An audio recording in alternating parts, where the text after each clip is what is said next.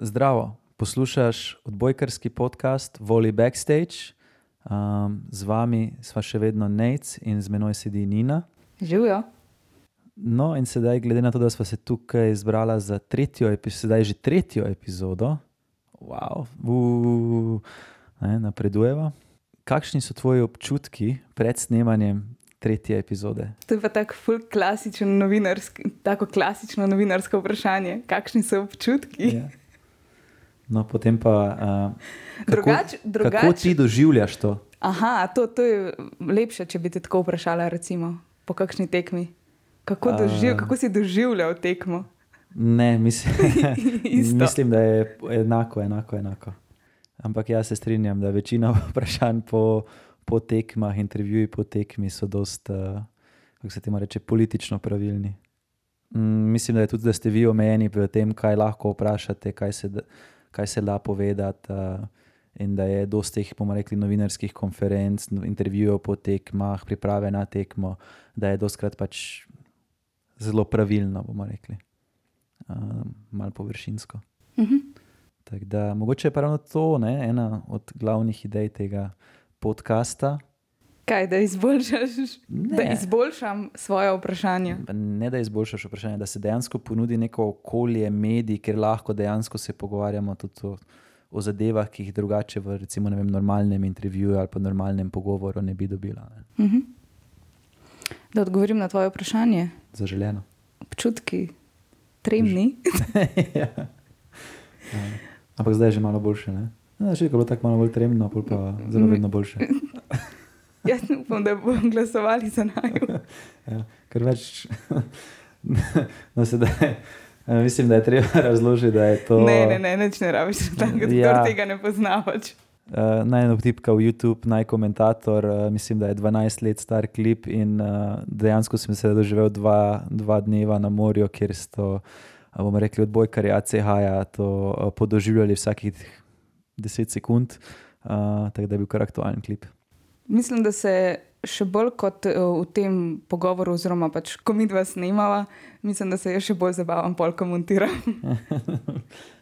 Tako da ta del mi je, po mojem, še ljubši. Uh -huh dejansko smo veseli vsa, vsakega feedbacka, vsake zadeve, vsake pripombe, konc koncev.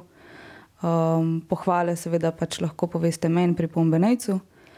Um, to se dejansko sklada z mojim stavkom, ki, oziroma mojim napovedjo, oziroma moj napovedjo, mojim introtom, ko smo na kempih v Španiji. Recimo, In uh, pač rečem, ja, če imate kakšne pohvale za treninge, kar povejte trenerjem, če pa imate kakšne pripombe, pa pridite kar do mene.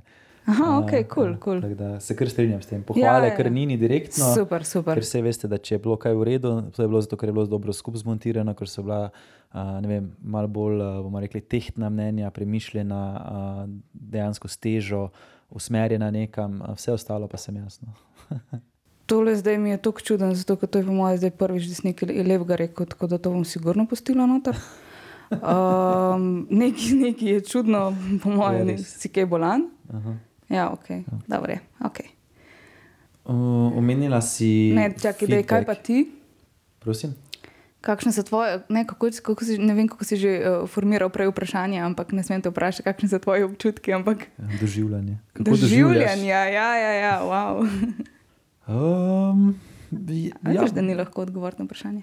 Verjetno me najbolj veseli to, ko pride potem na koncu nek feedback. Zato, ker je sama ideja tega podcasta, je, da se spodbudijo neka mnenja, spodbudi se komunikacija, približajo se vsi ti različni svetovi, oziroma vem, ja, svetovi v odbojki in odbojki na Milki. Tako da pač tudi, če damo kakšno izjavo, ki komu ni všeč, ali pa če je kakšna vem, izjava, ki je komu všeč, da pač moče to se nam malo pokomentirajo. Pa tudi mi je zelo všeč, ker je sedaj bilo ne rekel, nekaj feedbacka na to, kar bi si recimo poslušalci, oziroma kar bi si nekdo želel uh, slišati, katero temo in podobno. Tako da najbolj sem vesel feedbacka in zato sem zelo vesel, da je bilo nekaj teh povratnih informacij. Super.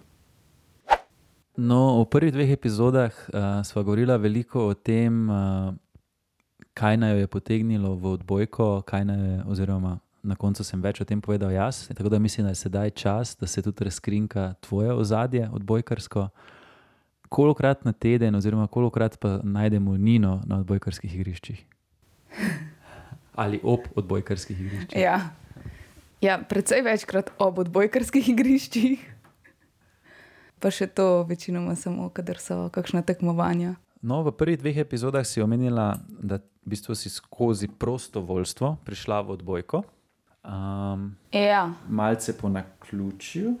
ja. Uh, kaj pa te je potem obdržalo, glede na to, da latvijska ekipa je odpotovala?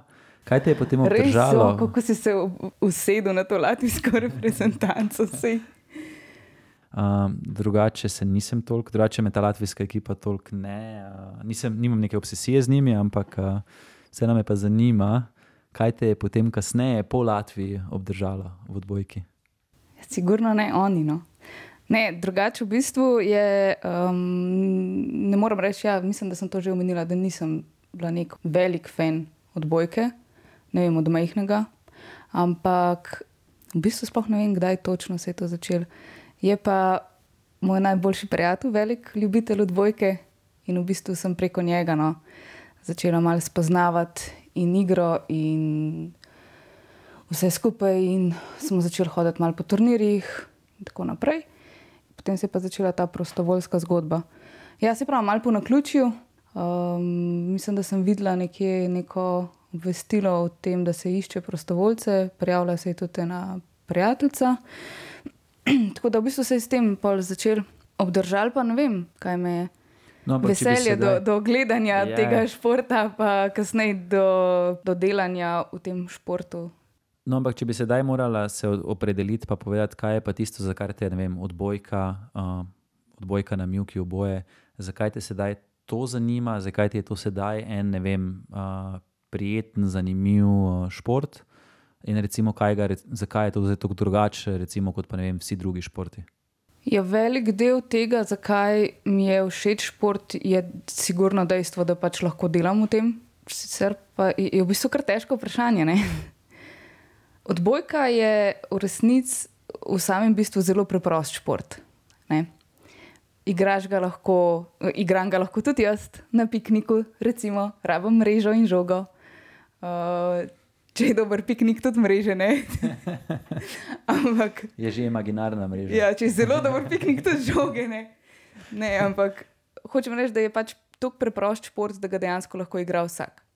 Po drugi strani se mi pa zdi, da ko začneš spremljati ta šport, pa ko začneš v živo gledati tekme, pa v resnici ugotoviš, kako kompleksen je, pa prej tega sploh nisi vedel, pa koliko je določenih pravil. Pa se mi zdi, da šele ko v živo vidiš eno tekmo, da dejansko šele opaziš, recimo pri dvoranski odbojki, kako se premikajo igravci, da ima vsak dejansko svojo nalogo, kakšna je njegova zadolžitev, da to pač ni samo, da gledaš na to, da pač je dober servis in da so potem pač uh, trije odboji in je to to, ampak je dejansko za tem toliko več enega dogajanja.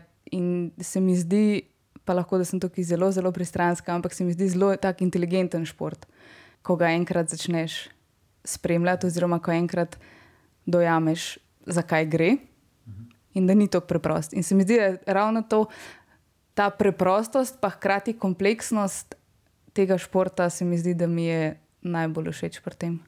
Ampak se ti ne zdi, da če bi na koncu vzela bilo kateri šport, uh, bi na koncu lahko nekaj podobnega povedala, ker na koncu zdaj ne vem, če zdaj imamo sedaj kralja nogomet, oziroma kralj nogomet, uh, je na koncu enako. Ne? V sami osnovi je zelo preprosto, pač brca žogo, gor pa dol, upaš, da na koncu gre v nek ne vem, okvir, ki ima mrežo gor in to je to. Potem pa dejansko, ko pa začneš malo bolj podrobno spremljati, imaš potem različne postavitve, gibanja, pokrivanje prostora, neke uh -huh. tehnike, driblanja, podaje, bla, bla, bla, in to bi lahko verjetno pri vsakem športu. Uh -huh. Je bilo zdaj pri odbojki samo to, da si imela to izpostavljenost, ali pa še mogoče tudi kaj drugega? Ne vem. Ne, se razumem, kaj sprašuješ, ampak eh, ti ne, ne morem dati nekega blazno zanimivega odgovora. Ker ne vem, je enostavno mogoče tudi šport, ki, ki se je zelo, zelo razvil v zadnjih nekaj letih, oziroma ne razvil, ampak eh, postal recimo bolj, aj primerno, če uporabim besedo popularen. Jaz mislim, da zahvaljujoč pač reprezentanci in njihovim uspehom. In ne vem, mogoče, lej, mogoče je del tega to, no, Ne vem, se mi zdi, da mogoče, ko začneš spremljati en šport ali pa pač eno reprezentanco ali pa neke posameznike, da ti pač kar prirase k srcu in potem postane to tvoj šport. Kar je, mislim, kar je zanimivo, ne, glede na to, da tega nisem nikoli trenirala, niti nisem nikoli bila v nekem blaznem stiku z odbojko. No, ampak uh, sedaj razumeš, uh, mogoče to moje vprašanje, ne, kaj, je, kaj je tisto, kar te privlači oziroma te drži v odbojki. To je eno tako podobno vprašanje, kot ga mi dobivamo, uh, recimo večkrat kot igralci. Uh -huh. uh, kaj pa te veseli, kaj te je pritegnilo v ta šport, zakaj ta šport, zakaj ga imaš tako rad. Ne? Vsa ta vprašanja padajo nekako v to grupo. Ne? No, ampak sedaj boš mogoče kot naslednjič, ko boš delala intervju. Ne, isto te bom vprašala. pa ne z, men, Zato, ne z mano, ampak pač tudi z drugih božila, da je pač ne vem in to. Uh, Je pač težko vprašanje, na katerega odgovoriti. Ne? Je pa mogoče zdaj moja teza, je pa malo tudi to, da seveda, ko si v nek, nečem bolj poglobljen, pa bolj poznaš, te seveda bolj pritegne ne? in tudi lažje potem formiraš mnenje. Ne? Da imamo na koncu tudi uh, možnost uh, to malo bolj predstaviti in da bomo mogoče tudi imeli kdaj kakšnega gosta, ki nam bo malo bolj povedal, upamo v tem sproščenem vzdušju tudi kakšno bolj informacijo. ne. Kakšno sproščenem vzdušju, jaz sem napeta zdaj lepo. To je samo zato, ker si bila sedaj ti na drugi strani in nisi ti postavljala vprašanj, Ni postavljene. prijetno, moram reči. No, ampak mogoče tudi uh, za, recimo za nekoga, ki naj posluša, uh, z, zanimiva perspektiva, ne? da se da jaz tebi postavljam vprašanja, pa ni vedno tako lahko. Ne? Ne, sej eh, nikoli ne rečem, da je meni osebno je sigurno lažje sprašvati. Mhm. Zato, ker sprašuješ človeka, ki se s tem ukvarja, ki to živi, in nekako pričakuješ, ja, da bo potem lahko o tem kaj povedal. Ja. In zdaj, ko pa pač meni v to porineš, je pa vse malo drugače. Ampak mislim, da je pač zelo podobno, ne? zato ker mi se sicer s tem ukvarjamo, ne? pa nas potem ljudje vprašajo, zakaj se s tem ukvarjamo. Ti se pa tudi s tem ukvarjaš, sicer sedaj v drugi vlogi, pa te mi vprašamo, pač, zakaj, pa to, vem, zakaj pa je to tebi, zakaj se s tem ukvarjaš, pa zakaj je to nekaj, kar te veseli. In ravno tako, kot rečemo, mi na koncu težje odgovorimo na to vprašanje, tako sedaj ti težje odgovoriš na vprašanje. Ne vem, zakaj vse te vprašanja, ki ne vem, 10-15 let našega življenja ali pa neko daljše obdobje, niso, niso lahka vprašanja. Ne?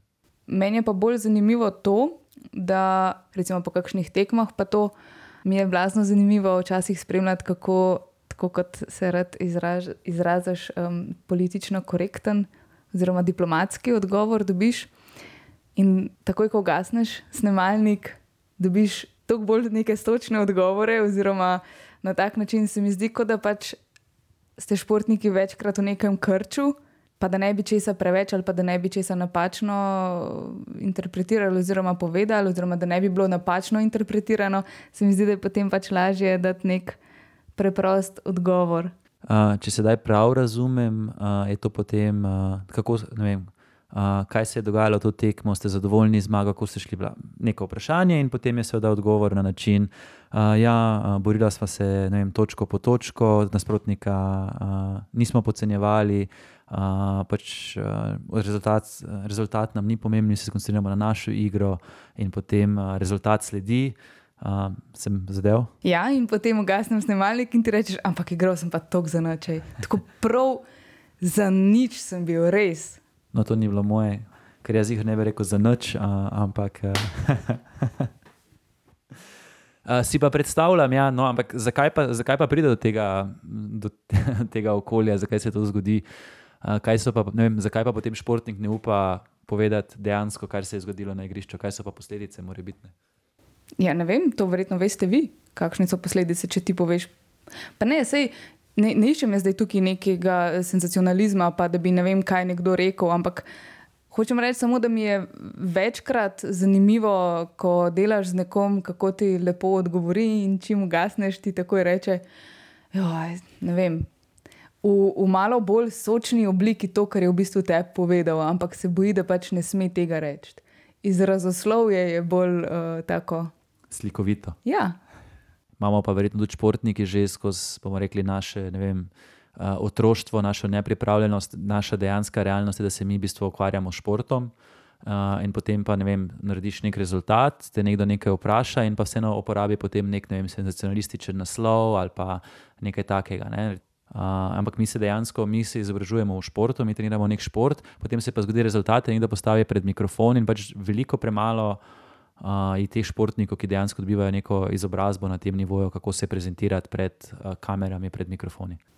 Ampak, recimo, prav v vašem primeru, zakaj ti sploh daš izjavo, komu si ti dolžen dati izjavo? Imaš dejansko, zdaj seveda odvisno od nivoja tekmovanja, ampak recimo na svetovni seriji v odbojki na Milki je pač po tekmi, moraš iti v medijsko cono, oziroma moraš iti skozi njo. Sedaj, seveda, če si nekje v, ne vem, v Maleziji ali pa v Braziliji, pa si slovenec, pa si še po možnosti izgubil, tako noben ga ne zanima. Ampak drugače pa ne vem, če pa imajo novinari recimo željo, da se s tabo, uh, da s tabo naredijo ne vem, neko izjavo, nek uh, intervju pa imaš to obveznost. In to si dolžen dejansko organizatorju tekmovanja in dejansko si dolžen to svetovni zvezi. Uh, mislim, da je naša realnost nasplošno v odbojki na Mjuki, da še nimamo te medijske pokritosti, da bi za bilo koga uh, predstavljalo neko večjo težavo. Uh, za teh par izjav, kar na koncu mi, mi damo, je, bomo rekli, res dokaj lahko.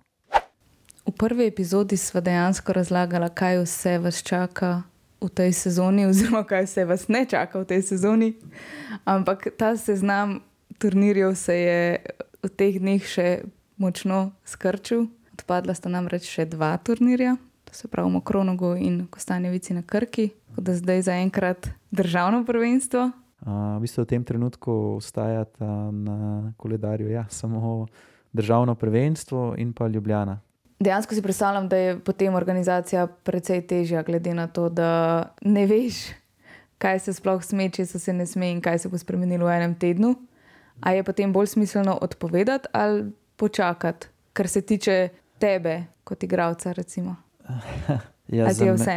Za mene, kot igralca, je spet, uh, je spet vprašanje, kaj so pač tvoje ambicije, tvoji cilji. Z, uh, za mene in Jana so pač ambicije in cilji mednarodna tekmovanja in uh, z nekim ne vem, končnim ciljem uh, olimpijske igre, z nekim ciljem se kosati uh, z najboljšimi na svetu in videti, kako daleč lahko sežeš. Uh, tako da za najo je že ta sezona tako odpovedana. Na mednarodnem koledarju sta trenutno dva moška turnirja, oba sta enozvezdična, za naj je pač realnost taka, da če igrava enozvezdični turnir, v bistvu izgubljava točke. Izjema je sicer Ljubljana, ker ti pač tu štejejo točke samo, če izboljšajo rezultat, kar pomeni, da pač rezultat dejansko na koncu ne šteje. V drugi ta turnir za moško konkurenco je v Montpellieru, ki je tudi ena zvezdica in sedaj primer. Uh, tudi če turnir zbi na koncu zmagaš, dobiš vem, 100 točk po igralcu, uh, kar pa pomeni, da ga moraš vzeti uh, na koncu točkovanja lestvica, je nama šteje zadnjih šest uvrstitev. In od teh zadnjih šest uvrstitev štejejo štiri najboljši rezultati. Recimo, da prideva vem, v samo zadnji krok kvalifikacij na Dunaju, na petzvezdičnem turnirju, dobiva vsak 120 točk. Če se uvrstiva v celo glavni del turnirja, je to 180 točk. Če smo v glavnem delu turnirja na 4 zvezdice, to so 120 točk. Tako da pač imamo tam večje število točk in dejansko, tudi če na koncu zmagava turnir, nam te točke ne pomagajo. Uh, tako da za najo mednarodne sezone v tem trenutku ni, kar pa pomeni, da se najni naslednji turniri, na katere pač dejansko primarno ciljava, uh, začnejo v aprilu, aprilu 2021. Ali ni potem logičen izkoristek domačih? Ja, in ne. Na koncu tudi, če se da izkoristiva te domače turnirje, pa jih igrava, uh, kaj sva pa potem dejansko uh, naredila? Tekmovala. ja, res je. In razen da sva tekmovala. Ne vem, to pa ti razloži. ne, ampak vprašam, ne, ker na koncu pač marsikdo me to vpraša. Pa pač, ja, vem, ampak na koncu si srečen. Ja, sem vesel, da se na koncu družimo, da igramo neka tekmovanja. Ampak eh, ne vem, razloži ti z tvoje, tvoje perspektive, kaj pa vi vidite sedaj, da pač je tukaj za najo. Tak, vem, Uh, ful pomembnega, ful dobrega. Uh, res bom počakal, da mi poveš ti, ti tvoje mnenje, zakaj so ti turniri za najo tako pomembni. Nisem rekel, da so tako pomembni, ampak pač zakaj ne bi šel? A jaz bi šel, se grem. Ja, ja, ja, ok, ja. ampak tako. Ampak pač pravim, da je ta pristop je malenkost drugačen, da pač se za njih ne ekstenzivno pripravljam, zato ker tako vem, da bo potem se jim sledila pauza in da zdaj tempiraš neko formo za en turnir. Uh, no, ravno to. In kaj ja. zdaj, recimo, ok, odpovedali še dva turnirja, zdaj zaenkrat dva sta še, oziroma pač državno prvenstvo in ja. kongresni trg. Kaj pa je potem smisel tega? A je to sploh smiselno za vas? Na koncu je vsak event, ki se zgodi, je na koncu neka promocija za šport. na koncu je neka izpostavljenost, ampak mislim pa, da v globalni, v neki veliki sliki pa ne spremenijo nič. Zato, ker če pač ne vem, če ima nek šport na koncu en turnir v celem letu, oziroma en event, tridnevni event, uh, se težko pogovarjaš o nekem profesionalizmu, se težko pogovarjaš o ne vem, nekih večjih ciljih. Ja, na koncu si pač okronal državnega prvaka, kdo je pač vem, v tistem vikendu preživel dve tekmi več. A pa je pri nas odbojka na milki tretirana strani ljudi kot profesionalni šport? Ja, na koncu je olimpijska disciplina in bi si to mesto zaslužila. A jaz osebno pa tako mislim, da je strukturno oziroma razvojno je odbojka na milki mogoče celo na enem all-time low pointu, tako da mogoče na neki najnižji točki, v kateri je sploh bila. Da, ja. Zdaj le. Korona, ne korona, dejansko ni pomembno ampak mislim, da dejansko je bila sedaj v tem, vem, v zadnjem obdobju, uh, mogoče celo na najnižji točki. Zakaj? No, zakaj? Um, bom pa sedaj tako, uh, bom vem, ti odgovarjal nazaj z, z vprašanji. O, oh, to bom najraš. Ja. Um, recimo, da se ne vem, tvoja, ne vem, od kolegice, kolegov, črka, sin, si želijo igrati odbojko, odbojko na milki. Kam jim priporočaš, da grejo? kje lahko trenirajo, obstajajo kakšni klubi. Uh, ok, recimo, da potem ta problem ti sama, oziroma vi sami rešite, organizirate, ne vem, par, najdete še par drugih zanesenjakov, zanesenjaki in, si pač sami organizirate nekaj igrišča, najdete neke žoge, po možnosti še najamete trenerja. Ok, kje boste pa potem tekmovali? Koliko je teh tekmovanj? Okay.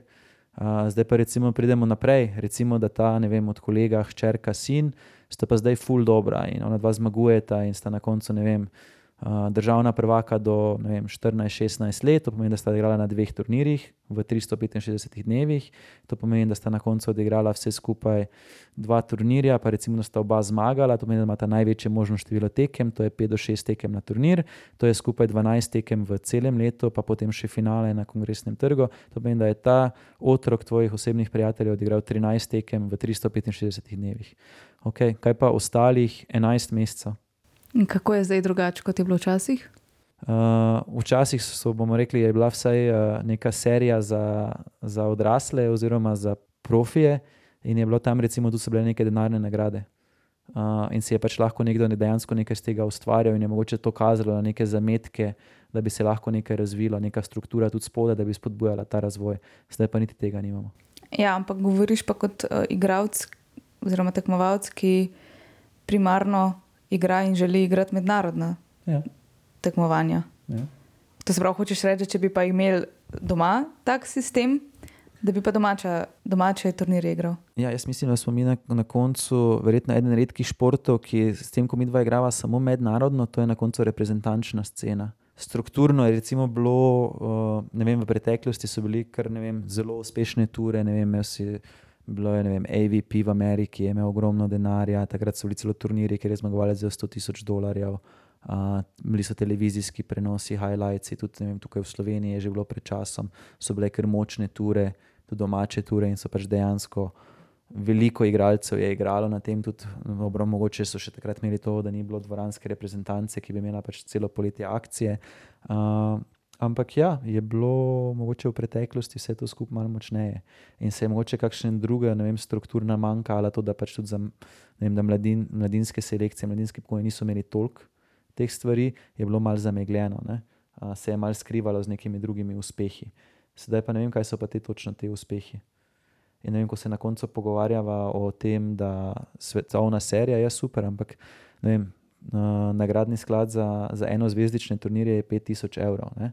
To pomeni, da zmagovalca turnirja dobita 1000 evrov, če potem odšteješ 20% dohodnino, je to uh, pomeni 800 evrov, na dva igralca je to 400, ponavadi je to 10% trenerju. To je pač po svetu taka navada, in si potem na koncu na 360, pa še imaš potem stroške z bivanjem, s prevozi, še verjetno z treningom pred, pred samim turnirjem. Uh, vem, na koncu pa tudi sam vem, sodnik vzame 100, 100 evrov na dan, pa je na turnirju en dan prej, pa en dan kasneje. Pa smo že to tridnevni turnir, plus dva dni je pet dni, pa je sam sodnik zaslužil 500. Če zdaj imamo sodniški par, sodniški par je zaslužil 1000 evrov brez stroškov. Tako da to je pa potem primerjava vem, trenutnega stanja igralca in, prof, in profesionalizma v odbojki na Milki. Kaj pa če greš na turnir s štirimi zvezdicami? Koliko ljudi pa pride na turnir s štirimi zvezdicami? Ja, je pa. Pa ne, nekaj zaslužiš. Ja. Recimo, greš čez kvalifikacije in ja, se ti bolj splača. Čim se kvalificiraš v glavni del turnirja, imaš zagotovljen hotel. Uh, igralci, oziroma ekipe, ki so v glavnem delu turnirja, imajo tudi prevoz iz letališča do prizorišča in nazaj. Uh, in pa potem v bistvu hotel še ti ostane na dan tvojega izpada, to pomeni, da naslednji dan, ko se ti zaključi s turnirjem, pač si adijo. Uh, lahko greš domov, lahko si iščeš svojo prenočitev, oziroma ne, če še imaš karto malo kasneje. Uh, in pa tudi je povezano z nekim, bomo rekli, den, uh, nagradnim skladom. Zdaj, uh, na štirih zvezdicah mislim, da je pač tisto zadnje mesto v glavnem delu turnirja 2000 dolarjev. Uh, tako da si lahko že potem recimo, pokriješ stroške, ki jih imaš tekmovanjem. Ponavadi ne vem, dve letalski karti, tri, vse trenerja bi še moral imeti zraven, če si že malo bolj resna ekipa, še imaš vem, fizioterapeuta ali pa še koga, ki pomaga. Tako da gre to večinoma, pač, da si potem pokriješ stroške. Ja, in dejansko se tudi nagradni skladi na samih teh najmočnejših turnirjih znižujejo. Tako da recimo vem, pred uh, dvemi, tremi leti so tudi recimo petzvezdični turnirji. Ko so se ustanovili petzvezdični turnirji, se je tudi znižal nagradni sklad. No. Da tudi recimo sami ti profi dobivajo manj, kot so nekoč. Ne. Je pa v odbojki na Milki tako, da so enake denarne nagrade za moške in za ženske. Je. To je pa en redkih športov. Nice. Ja? ja, se strinjam, vse to se tudi, uh, bomo rekli, skozi podarja ta enakopravnost. Uh, edina razlika, ki se potem lahko zgodi, je na dejansko na dvo- in enozvezdičnem turnirju, ker lahko imaš v bistvu single gender event, pomeni, da lahko imaš samo za moške, samo za ženske. In že tu se potem kdaj kdo najde, ki reče: Ja, pa to fulni pošteno, uh, te pa tam ni ženskega turnirja. Recimo sedaj, ko pa v tem trenutku, ko se preda na koledar, pa je v moški konkurenci sta dva enozvezdična turnirja, v ženski konkurenci je en enozvezdičen, pa dva dvozvezdična. Tako da recimo imajo ženske še, bomo rekli, eni močnejši turnir, pa še enega močnejšega, še zraven. Da, ampak drugače smo zelo enakopravni. Me veseli. Tudi mene. Kako pa bi drugače mogla izgledati sezona? Kako normalno? V idealnem scenariju ali brez korone? ne, uh, brez korone. Oziroma, kako je kako je lansko leto, kako bo, upajmo, da prihodnje leto. Ja, potem so pa dejansko praktično vsak teden je nek nov turnir, na katerega lahko greš, dobro, mogoče kak teden oziroma vikend vmes, ki je prost. In se pač, vem, vrstijo se turniri na različnih nivojih. Imáš te uh, turnire svetovne serije, 5, 4, 3, 2, 1 zvezdica, potem so turniri nacionalnih serij. Uh, sedaj je odvisno od države do države, recimo nekatere države imajo po moče 5, nekatere celo 10 tako da čisto odvisno. In dejansko se potem, bomo rekli, v tej glavni periodi, nekje začetkom aprila, pa konc do, do nekje septembra, uh, se potem praktično vrstijo eventi na tedenski ravni, pač razklopljeni po celem svetu, ampak se najde. Na podlagi, če se pa potem odločite, se odločate, kateri so tisti turniri, ki se jih želite udeležiti. Ja, to se pa odločijo od recimo ekipnih želj. Uh, recimo, če, verjetno, če je želja zgolj in samo finančna, se najbolj splača igrati lokalno, ker so pač stroški minimalni. In pa potem, če si toliko uspešen, da si pač vem, na koncu v finalih ali pa te lokalne turnirje, lokalne, mislim, sedaj nacionalne serije. To pomeni, da igraš v Avstriji, igraš v Sloveniji, igraš mogoče vem, Češka, uh, Italija. Moral sem malo pomisliti, ker pač Mačarska in Hrvaška na koncu niti nimata toliko turnirjev, je tu pa tam še odkak na Hrvaškem. Uh, no, ampak potem igraš bolj te turnirje, kamor se, dejansko lahko pelješ z avtomobilom, nimaš nekih velikih stroškov, uh, in pa potem na koncu vem, nagrada za zmagovalce, pa potem še 1000-2000 evrov, recimo, ne, odvisno od turnirja. Če pa imaš potem neke ambicije, bolj se kosati z najboljšimi ekipami, uh, pa potem potuješ vem, po celem svetu za te 3, 4, 5 zvezdičnimi turnirji. Ne. Tam pa so potem, seveda, ker že grem. Mi dva smo recimo lani začela sezono v Maleziji, potem smo nadaljevala v Brazilijo, potem smo bila ne vem, Poljska, Češka, uh, potem še je bilo oh, ne vem, uh, Švica, uh, Kitajska, Kanada, Japonska, Slovenija. Uh, tako da je bilo kar nekaj teh potovanj, ampak sedaj za vsako tako lokacijo je pa potem se že približamo neki karti letalski, ki je pa že na osebo, mislim, na realno pod 600 evrov je ni, pa ne glede na to, kak jo iščeš, sploh za kakšne te Malezije, Kitajske, Kanade, Japonske. Uh, in potem tudi recimo ta nagradni sklad, ki je potem, recimo, če se samo vrstiš na glavni turnir, pa dobiš recimo vem, 2000 dolarjev, že potem gre dosto tega gre v stroške. Ne?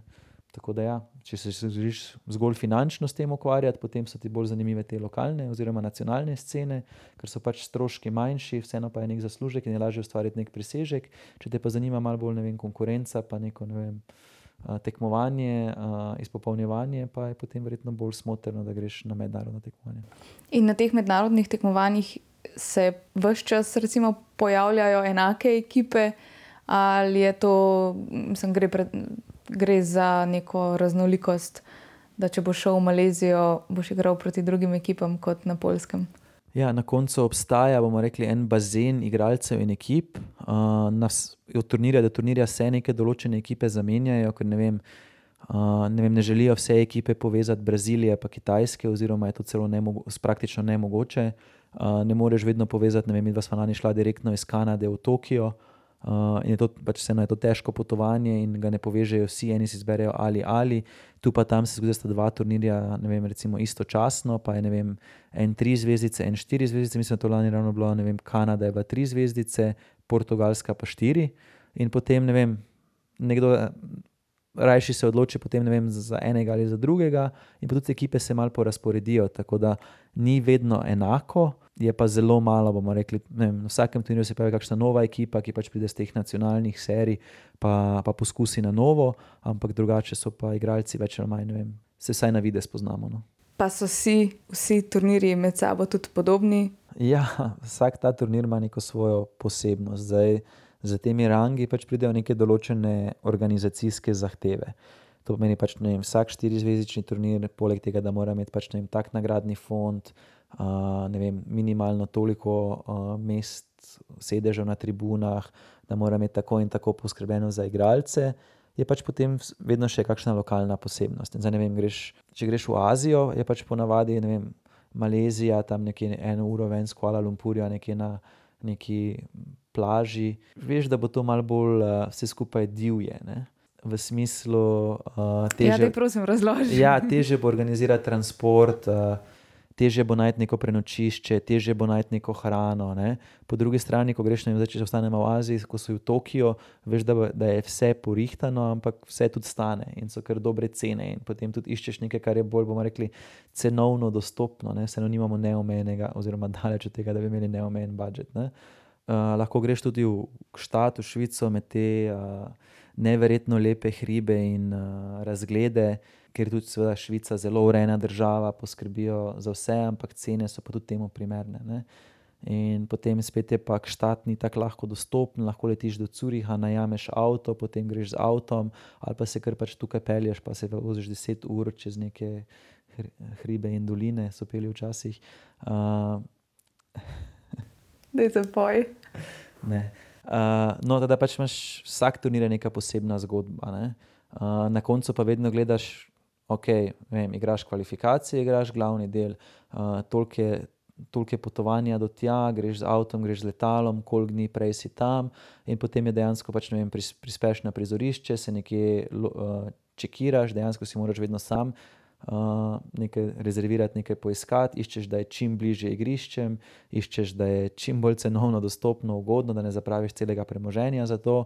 In potem pa ne vem, probaš najti čim prej neke partnerje za trening, prvo narediš čist lahek trening, toliko da se pač ne spotikaš čez svoje noge, potem je pač te uh, osnovne potrebe maslove hierarhije. Uh, to pomeni, da pač ne moreš najti hrano uh, in se ukvarjaš s tem, ki boš jedel, ki ti nekaj odgovarja in je dejansko vse podrejeno temu. V prostem času pa loviš internet, da si lahko povezan s svetom, uh, za oglede tako nimaš časa in energije, ker se želiš skupaj sestaviti in to je to. To je pač tisti prihod na turnir. Dejansko ješ, spiš, uh, treniraš in pa počivaš. Da bi se čim prej pač optimalno pripravil za tekmovanje. Ne? In ko rečeš, da moraš poiskati primernega partnerja za trening, je pač dejansko se opišeš, vse bom rekel. Je, v bistvu je tam vedno naredijo en uh, opisni list, maja, ker pač sem, so igrišča pa ure in vsaki ekipi pripada pol urni termin, in ponavadi se pač kar z nekom utravno pišeš in potem naredite skupaj eno urni trening. Uh, če ste še to par dni prej pred turnirjem, se zmenite tri ekipe, pa imate potem uro pa pol. Če pa je en dan pred turnirjem, pa ponovadi narediš zelo lahek trening, ki pač vsebuje ne vem, nek servis, pa sprejem, pa potem še mogoče kak kratek set. In je to to, in je pač to enourni trening, ne toliko malo bolj za feeling, za občutek, kot pa dejansko neko izčrpavanje. Pa želiš reči, da res nimate potem časa za kak kakršno koli drugo zadevo? Uh, pa mogoče bi se še čas, recimo, našel, ampak vem, en dan, dva dni pred turnirjem, ponavadi ne greš, ne vem, sedaj poiskati znamenitosti tistega mesta, pa planiraš izlet, ne vem, z javnimi prevozi ali pa neke dolge sprehode po centru ali pa nekaj takega, ker pač dejansko se želiš pripraviti na tekmo. Si zdaj že vem, potoval v Malezijo, ne bom zelo taksija eno uro v Kuala Lumpur, da grem pogledat, ne vem, Petronas Twin Tower, ne pred turnirjem, ne? to je potem ponavadi po turnirju, če še imaš potem tako je tisti prvi dan po turnirju, tako namenjen regeneraciji oziroma počitku, in potem pač greš na kakšno ogled. Kako pa je te povezave z ostalimi ekipami po svetu na samem turnirju? Pa krno, uh, na koncu ne vem, doskrat se tako, tudi če si sami blokirate, si potem ne vem, najdete, ne vem, celo moče, uh, ste v istem hotelu. Uh, ampak potem tudi, da pa še malo to razgibano uh, druženje z drugimi ekipami, pa ne vem, da se poleg treninga, da greste tudi skupaj nekaj pojesti, imate kakšne karte, ne vem, različne stvari. Pa so ti turniri s petimi zvezdicami dejansko najbolj elitni? Ja, na koncu. Uh, Bom rekel za igralca, tekmovalca. Vem, verjetno dve najpomembnejši stvari sta pač točke za mednarodno lestvico in pozicioniranje. Uh, in pa da nagradni sklad in več kot je zvezdic, več je tega obojnega. Definitivno so je pa tudi seveda na koncu tako, da uh, organizatorski zahtevki za pet zvezdic so večji in uh, to je dejansko podobno kot v tenisu, ko so pač ti Grand Slami, so štirje, pri nas so zdaj letos, oziroma letos tako ne, ampak lani uh, so bili trije pet zvezdični turnirji, Dunaj, Štat pa uh, pa Rim, ki je na koncu bil kot nek World Tour Finals, ampak to so bili tri, pet zvezdični turniri, pa Hamburg je bil kot svetovno prvenstvo, tako da to so bili ti neki štirje najelitnejši. Ne. Največja elita, mislim, predvsem tudi v smislu navijačev oziroma vzdušja, ki ga priredijo največji turniri. Ja, in ne. Dejansko pač Avstrijci slovijo po tem, da so eni najbolj angažirani v odbojki na Milki. Sedaj ta njihov celovški turnir se je preselil na Dunaj. Uh, in tam oni dejansko imajo celotne koreografije, polne stadione in to je eno uh, pač neverjetno vzdušje, tudi številke so um, zelo zavidajoče, število, dejansko število obiskovalcev. Mm -hmm. Podobno vzdušje. Pa dejansko število ljudi, ki ostanejo zunaj stadiona. Ja, to se tudi dejansko zgodi. Ker, ja. Ja, ja. Tako da tudi recimo nizozemci, ko so se zdaj gostili uh, svetovno in evropsko prvenstvo uh, so uspeli tudi kar zavedljive številke, polne, polne stadione uh, oziroma tribune. In pa Hamburg, reci, recimo kot svetovno prvenstvo, letos pa tudi v preteklosti kot Major oziroma ta petzvezdični turnir, dejansko polne tribune in ljudje, ki skačejo, navijajo. Ampak vseeno, tudi vem, ko se pogovarjamo z Nemci, povedal, da je ja, Hamburg letos bil nerealen, oziroma lani nerealen, zato ker je pač bilo svetovno prvenstvo, ampak drugače pa to, kar naredijo na Dunaju, oziroma prej na celovcu, je pa še vedno kategorija zase. Uh, je pa potem čisto odvisno uh, od same, same lokacije in prizorišča. No. V kakšnem smislu? Verjetno se večkrat zgodi, da če se postavi igrišče vem, v centru mesta oziroma na neki točki, kjer je velika prehodnost uh, ljudi, da se potem več ljudi ustavi in to pogleda. Ja, sam na Dunaju imaš dejansko na otoku. Ja, Tako da ti ja moraš res že priti z namenom. In tudi namenom, da boš pogledal tekmo. Ja, in tudi predtem, da je eno mesto kot celovec, recimo v enem eventu, gostilo 55 tisoč ljudi, uh, ki so se potem seveda izmenjavali, uh, ampak so dejansko 55 tisoč ljudi prišlo obiskati ta en event. Uh, niso bili recimo že prisotni tam, ampak so namensko prišli do celovca in do vrterzeja, do vrskega jezera, pogledati to, ta spektakel. Če te zdaj vprašam, kateri je bil tvoj najljubši spektakel oziroma tvoj najljubši turnir? ja, emocije se gradijo skozi uspehe na turnirjih, tako da na koncu je vedno tam, kjer se pač vem, dobro odrežeš. Uh, vem, zdaj, z Janom smo takrat zmagali na tem turnirju svetovne serije v Montpellieru v Franciji uh, definitivno eden lepših spominov. Uh, vem, s Tinetom takrat isto svetovno mladinsko prvenstvo, tudi v Franciji. Uh, vem, z Alanom Pajem, ko smo recimo takrat igrali na evropski seriji, pa smo v finalu recimo izgubila v Novem Sadu. In do, do finala je bil Novi Sad eden najlepših uh, prizorišč, uh, potem pa za finalom se pa je malce zameril, sploh po vodstvu v zadnjem odločilnem nizu in na koncu porazom. Uh, uh, tako da, ja, no, pač te emocije, ne vem. Uh, bolje je pomembno to, kje se dobro odrežeš, oziroma kje imaš dober rezultat, uh, ker je potem se skozi tega gradi nek dober občutek. Če pa se pa na koncu pogovarjamo o sami organizaciji, pa je veliko krat tako, da pač, vem, ko gre človek po zvezdicah dol, oziroma po rangu turnirja, pač seveda ena lokacija, kot je bila recimo Fort Lauderdale, uh, petzvezdični turnir, ena lokacija kot je Štat, ne vem, to, kar je včasih bil, uh, to, to poznam samo preko slik Stavanger, recimo. Uh, to so ene take top destinacije in tudi slike, pa videi, pa to, ko se tam pojavi, je na nekem posebnem nivoju, tudi sedaj Hamburg in dejansko ne vem, poreč, poreč, to je bila nora izkušnja in tam, da smo lahko, ne vem, da smo dejansko bila v glavnem delu in da smo lahko to noro. noro. Mislim, da uh, smo sedaj vseeno kar nekaj stvari povedala. Mogoče smo se tudi dotaknili kakšne teme, ki nam je bila uh, zaupana v kakšni povratni informaciji. Teh smo najbolj vesela, tako da če kdo želi, lahko to preko Instagrama ali Facebooka ali kar direktno, vsaj meni, to sporočijo. ne vem, če te lahko porinem v to, da ti začnejo ljudje kar pisati, pa privatna sporočila. Pa tak ja, prosim, ne dobim veliko sporočil, tako da sem vsega vesela. Aha, okay. Ampak samo pozitivne, tiste negativne kritike oziroma uh, predloge za izboljšanje. Ne, predloge lahko, kritike, najc, stalo nina. Okay. No, tako da, pač, če še koga kaj posebej zanima, ali se mu zdi, da bi, bilo, da bi želel, da mi dva to temo bolj podrobno predstaviva, uh, bova zelo vesela te povratne informacije, drugače pa lahko nas še vedno najdejo na vseh teh različnih platformah. Vesela bomo tudi kakšnega, kakšne ocene, kakšnega revija, posebej na Apple Podcast. Drugače pa mislim, da je to, to za danes. Res je. Uh, hvala in se slišimo. Čau. Čau, či.